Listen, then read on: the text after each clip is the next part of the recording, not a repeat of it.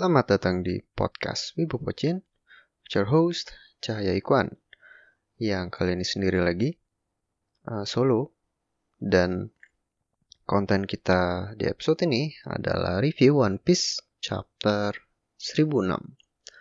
Tapi sebelum itu, kita coba lihat-lihat update terbaru di dunia manga dan anime.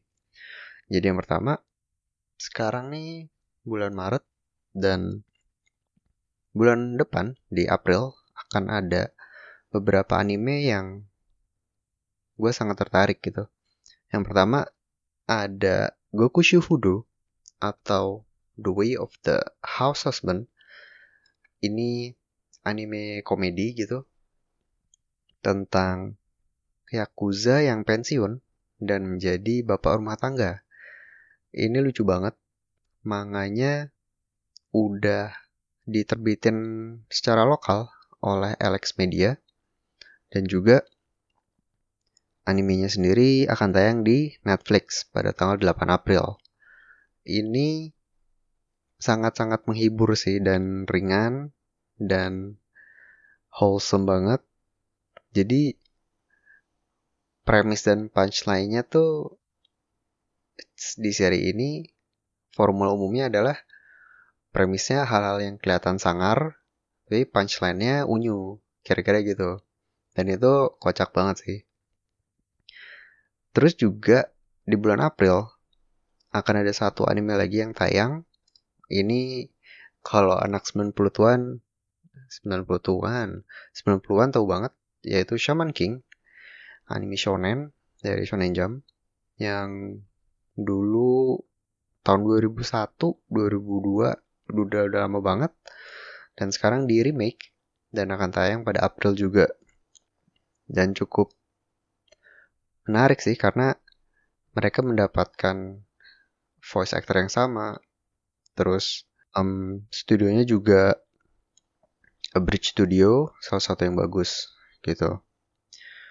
Gitu oh jadi itu dua anime ya. Sebenarnya ada satu lagi tapi masih lama sih tayangnya. Di pertengahan tahun ini. Dan ini diproduksi bukan oleh Jepang gitu. Jadi ini adalah anime yang diproduksi oleh sebuah studio yang berasal dari Arab Saudi. Namanya Manga Productions. Jadi ini sebenarnya salah satu program dari pemerintah di sana. Jadi mereka kirim ratusan orang untuk belajar di Jepang. Kalau nggak salah kerjasamanya dengan Toei Animation yang ngebuat One Piece, uh, World Trigger, dan Dragon Ball. Dikirim ke sana belajar dan hasil akhirnya mereka disuruh bikin anime gitu dan hasilnya adalah sebuah anime berjudul The Journey atau Arih lah yang trailernya sudah mulai bermunculan di YouTube belakangan ini. Secara kualitas gue suka sih. Dan ini memang budgetnya budget movie sih uh, bukan series. Jadi bakal agak panjang. Awalnya gue kira series soalnya. Tapi animasinya bagus. Dan dia settingannya di Mekah di Arab di zaman dulu gitu. Mungkin kalau gue jadi keingetnya waktu SMP SMA uh, pelajaran agama Islam gitu ada ditayangin film-film sejarah film-film perang di zaman itu gitu perang Badar dan segala macamnya. Pokoknya settingannya perang di pedang pasir kan pakai kuda pedang panah dan itu emang salah satu settingan yang bagus sih kalau mau di pick up. Jadi kayak historical fiction gitu. Dan karena memang tujuannya mau membawa budaya Arab ke ke, ke dunia gitu kan. Dan ini juga sebenarnya untuk ukuran negara Arab Saudi ini cukup hmm, apa istilahnya breakthrough dan tidak umum. Apalagi karena ini memang di diinitiate oleh sang pangeran Muhammad bin Salman yang terkenal dengan kebijakan yang tidak umum lah untuk ukuran negara tersebut gitu ya. Jadi kalau gue bilang agak-agak mirip nih orang ini dengan si Kozuki Oden, di mana dia ingin membuka border negaranya dia dalam tanda kutip ke seluruh dunia gitu. But anyway, yang paling catchy dari trailer ini tentunya adalah dubbing yang diisi oleh bahasa Arab gitu. Jadi afdol aja rasanya. Kocak gitu. Um, dan nggak biasa tentunya. Jadi animenya emang khas Jepang banget. Tapi ya yang ngomong orang Arab gitu. Jadi nggak tahu sih. Tapi buat gue itu kayak menarik banget. Dan tapi belum tahu juga ini bakal tersedia secara global atau enggak karena baru akan ditayangkan di di Mesir, pokoknya di beberapa negara di Arab sana, tentunya Arab Saudi juga termasuk. Dan di Jepang juga ada kalau nggak salah. Soalnya udah ada yang versi pakai seiyu Jepang gitu. Ya semoga uh, ada di Indonesia juga dan seenggaknya gampang diakses lah kalau gue mau streaming. Dan ya kayaknya itu itu aja buat berita-berita seputar dunia manga dan anime. Ada satu lagi sih. Attack on Titan sisa cal satu chapter lagi. Dan wow. Mungkin nanti akan gue review saat udah tamat ya. Itu perlu di review secara lengkap holistik sih. But anyway, kita masuk ke review One Piece.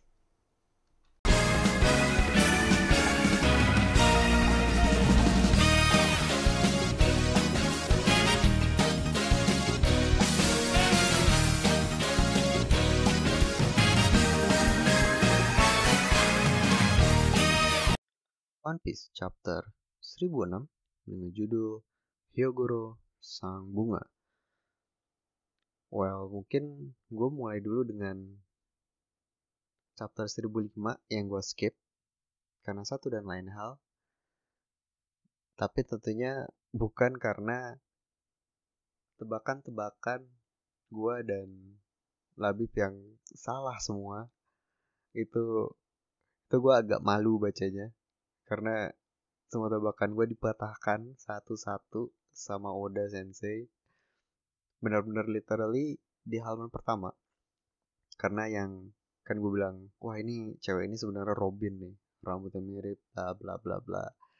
Terus tiba-tiba diliatin dia memang makan buah smile terus bagian hewannya uh, buaya kaiman itu dia di bagian belakang kan di kaki terus madep belakang jadi kayak di sudut mati jadi memang nggak bakal kelihatan di chapter sebelumnya.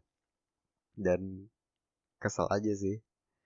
But chapter itu sendiri menurut gua highlightnya tentunya adalah selain Robin itu Sanji. Karena trope dia di mana sebagai seorang prince sebagai seorang pangeran itu dibalik karena dia punya prinsip dan dia juga sudah percaya dengan nakamanya. Di sini sebagai seorang prince dia malah meminta bantuan dari orang yang biasanya dia ingin selamatkan. Dan tentunya Robin hadir and itu hype banget sih karena Black Maria-nya juga udah fighting mode gitu. But anyway, kita masuk ke chapter 1006 mungkin dari covernya dulu ya. Jadi kalau di Weekly Shonen Jump di majalahnya itu covernya memperlihatkan trio Worst Generation uh, Luffy, Lau, dan Kid. Dan begitu kita masuk ke chapternya dari One Piece, covernya sendiri adalah kru utama dari Kaido. All Stars, uh, Jack, Queen King, Flying Sex, dan tentunya sang kapten sendiri yaitu Kaido. Di situ masih ada Drake, mungkin ya biar genap aja. Dan juga yang paling menarik adalah ini dan ini udah gue cek ya dan gue yakin banget ini adalah pertama kalinya color cover dari One Piece yang tidak memperlihatkan satupun anggota topi jerami. Jadi gue udah cek satu-satu karena memang kebetulan mereka kan dapat color cover ya satu dua bulan sekali kan. Jadi sebenarnya listnya nggak banyak-banyak amat gitu.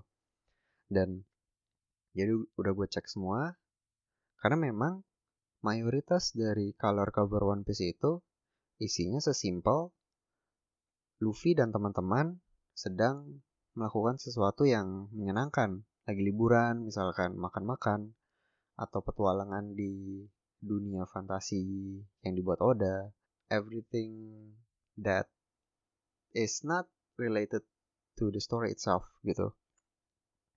Jadi sangat-sangat menurut gue ini unik banget gitu. Ini pertama kalinya memperlihatkan musuh mereka dan relevan terhadap arc yang sedang berjalan. Kadang-kadang memang sih ada color cover yang sekalian promosi film One Piece yang mau keluar di saat itu. Ada yang kemarin kan yang Stampede, Gold, Z, uh, Strong World itu ada poster khususnya gitulah. Tapi itu pun masih ada Luffy dan kawan-kawan gitu. Terus gue cek, awalnya tuh gue bilang ini adalah pertama kalinya cover yang tidak memperlihatkan Luffy. Tapi ternyata Luffy memang ada beberapa kesempatan dia nggak muncul. Jadi ada satu cover. Jadi One Piece lagi collab sama majalah fashion. Dan itu karakternya cewek-cewek semua. Dan ada Nami, Robin sama Chopper. Jadi itu seenggaknya yang itu masih include um, topi jerami gitu kan Terus tadi oh setelah gue cari lagi cari lagi ternyata kebetulan bukan kebetulan ternyata ada ternyata memang ada satu nih cover yang tidak memperlihatkan satupun topi jerami. Dan itu udah lama banget di chapter 532 itu sebelum timeskip itu lagi di Arc Marineford. Jadi color cover itu menampilkan line up si Chibukai semuanya. Tentunya yang sebelum time skip ya. Jadi Dovi, Crocodile, Jinbei, um, Boa Hancock, Mihawk, dua lagi siapa tuh? Oke, Komoria. Hmm, satu lagi. Bagi kan belum ya? Hmm, oh Kuma. Wait, wait. Oh Crocodile udah nggak ada. Tapi ada Kurohige. Soalnya waktu Marineford kan. Gitu. Jadi ya ini adalah cover kedua sepanjang sejarah One Piece yang tidak memperlihatkan satupun tokoh topi jerami. Dan seenggaknya waktu yang si Chibukai ada beberapa yang memihak Luffy kan kayak Kuma, Jinbei, uh, Boa Hancock dan ya Mihawk netral lah. Tapi ini benar-benar musuhnya Luffy dan kawan-kawan di arc yang lagi berjalan gitu. Jadi cukup unik sih dan keren juga sih. Ya, itu semua tentang cover. Uh, fun fact kecil gitu ya. Anyway, kita masuk ke dalam chapternya dibuka dengan Momo yang udah ketahuan kabur nih. Ditemani Yamato dan Shinobu. Walaupun udah spotted tapi belum ada yang ngincar mereka. Dan jadinya kita belum tahu nih match up berikutnya dari Yamato ini siapa gitu. Dan sebuah shoutout kepada Momo Momonosuke Bangsat kau. Udah berapa kali dia mendapatkan kenikmatan-kenikmatan duniawi. Apa dia bisa menjadi shogun yang baik berikutnya? Entahlah. apakah semua keberuntungan ini akan dibayar ke depannya anyway um, itu bentar banget kan terus langsung pindah ke scene lagi memperlihatkan Sanji yang telah lolos dari Black Maria. Dan sebenarnya dia lagi OTW ke gudang tempat Akazaya Nine sedang bersembunyi dan juga dirawat oleh si sosok misterius ini ya yang kita belum tahu yang mungkin bukan Enel.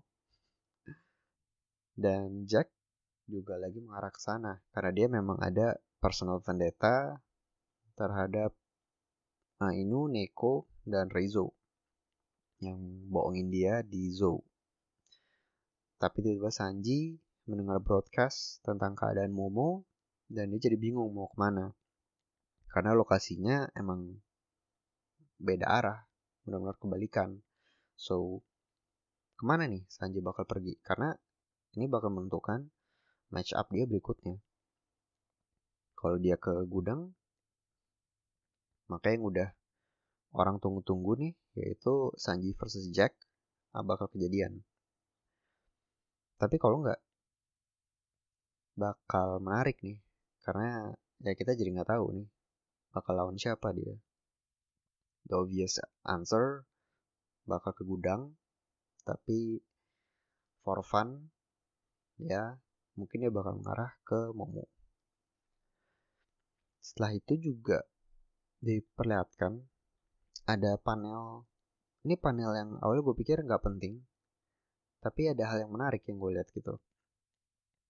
Jadi di panel ini ada si pulau Onigashima-nya kan yang lagi terbang terus ada kelihatan di atap tengkoraknya asap-asap terus juga kayak keramaian gitu kan karena di situ Luffy ya pokoknya 5 Worst Generation itu lagi ngelawan Kaido dan Big Mom kan. Tapi yang lebih menarik lagi di panel itu di bagian kirinya. Kalau kalian lihat di situ ada sosok gunung yang menjulang tinggi. Nah gunung itu jadi kalau kalian cari gambar peta lengkap dari Wano entah itu versi di manga atau di anime gunung itu sebenarnya ada ditunjukin di peta. Dan itu benar-benar di tengah di region ibu kota di Flower Capital gitu dan namanya Gunung Fuji atau Fujiyama. Nah gunung ini juga sebenarnya tempat tinggal si dewa gunung atau si babi raksasa itu yang ada di flashbacknya Oden. Makanya uh, dekat kan, karena insiden itu juga di Flower Capital. Nah berarti ini secara tidak langsung menunjukkan bahwa mereka ini udah sangat dekat dengan Flower Capital. Jadi momen pulau ini jatuh di di sana sangat mungkin terjadi sih menurut gue dan dengan pertanda tersebut apakah berarti nanti ending dari act ketiga Wano merupakan jatuhnya pulau tersebut di Kastil Shogun yang lama. Karena menurut gue cocok sih. Karena dari dulu kan temanya atau prediksi orang eh ketiga akan berakhir dengan tragedi. Dan ini tragedi yang cukup menyedihkan sih karena hampir semua orang lagi ngumpul di sana kan untuk melakukan festival. Karena itu salah satunya kesempatan mereka berpesta karena kru Kaido, kru Orochi lagi nggak ada di situ gitu kan.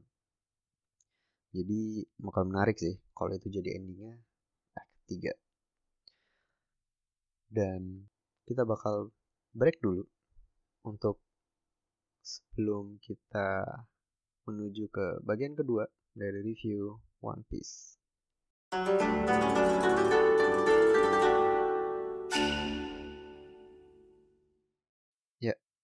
Kita lanjut lagi.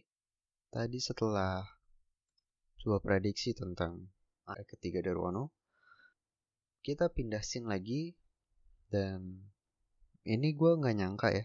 Ternyata Perospero bisa melawan dua Minx yang lagi dalam sulong form sekaligus.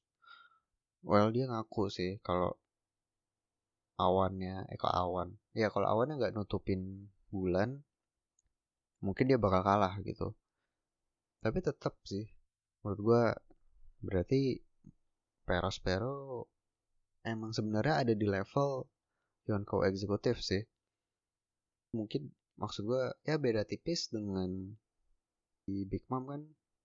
Si Sweet Commanders uh, Katakuri di sama si Crackers gitu.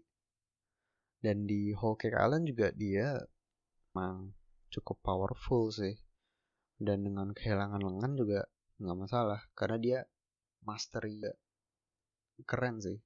Karena bisa bikin tangan terus juga kelihatan di pertarungan dengan Carrot dan Wanda itu banyak serpian-serpian permen yang jadi kayak pedang gitu kan. But anyway dia tanpa kesulitan dan lanjut masuk ke dalam Onigashima. Bilang ini menarik sih dia bilang dia masih masih sungkan buat membantu Beast Pirates dan tujuan dia utamanya adalah untuk menghajar atau memberi pelajaran kepada para upstarts alias worst generation.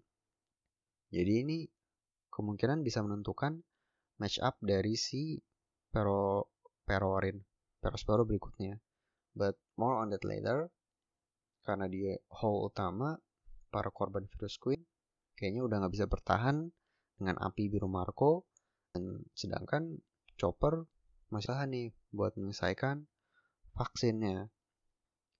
Dan untungnya Chopper sendiri bisa fokus karena semua yang ngincar dia termasuk Apo dan kroco-kroco Kaido yang lain harus berhadapan dengan X-Drake dan kakek Hyogoro yang somehow karena efek dari virus Queen malah dia bisa kembali ke masa primanya dan memberikan perlawanan yang luar biasa gitu. Sama sampai Queen khawatir gitu kan. Terus mungkin highlight yang lain adalah dia membanggakan Luffy yang dianggap sukses menjadi muridnya dia gitu kan. Menjadi protege. Karena sukses mempelajari teknik Ryuo.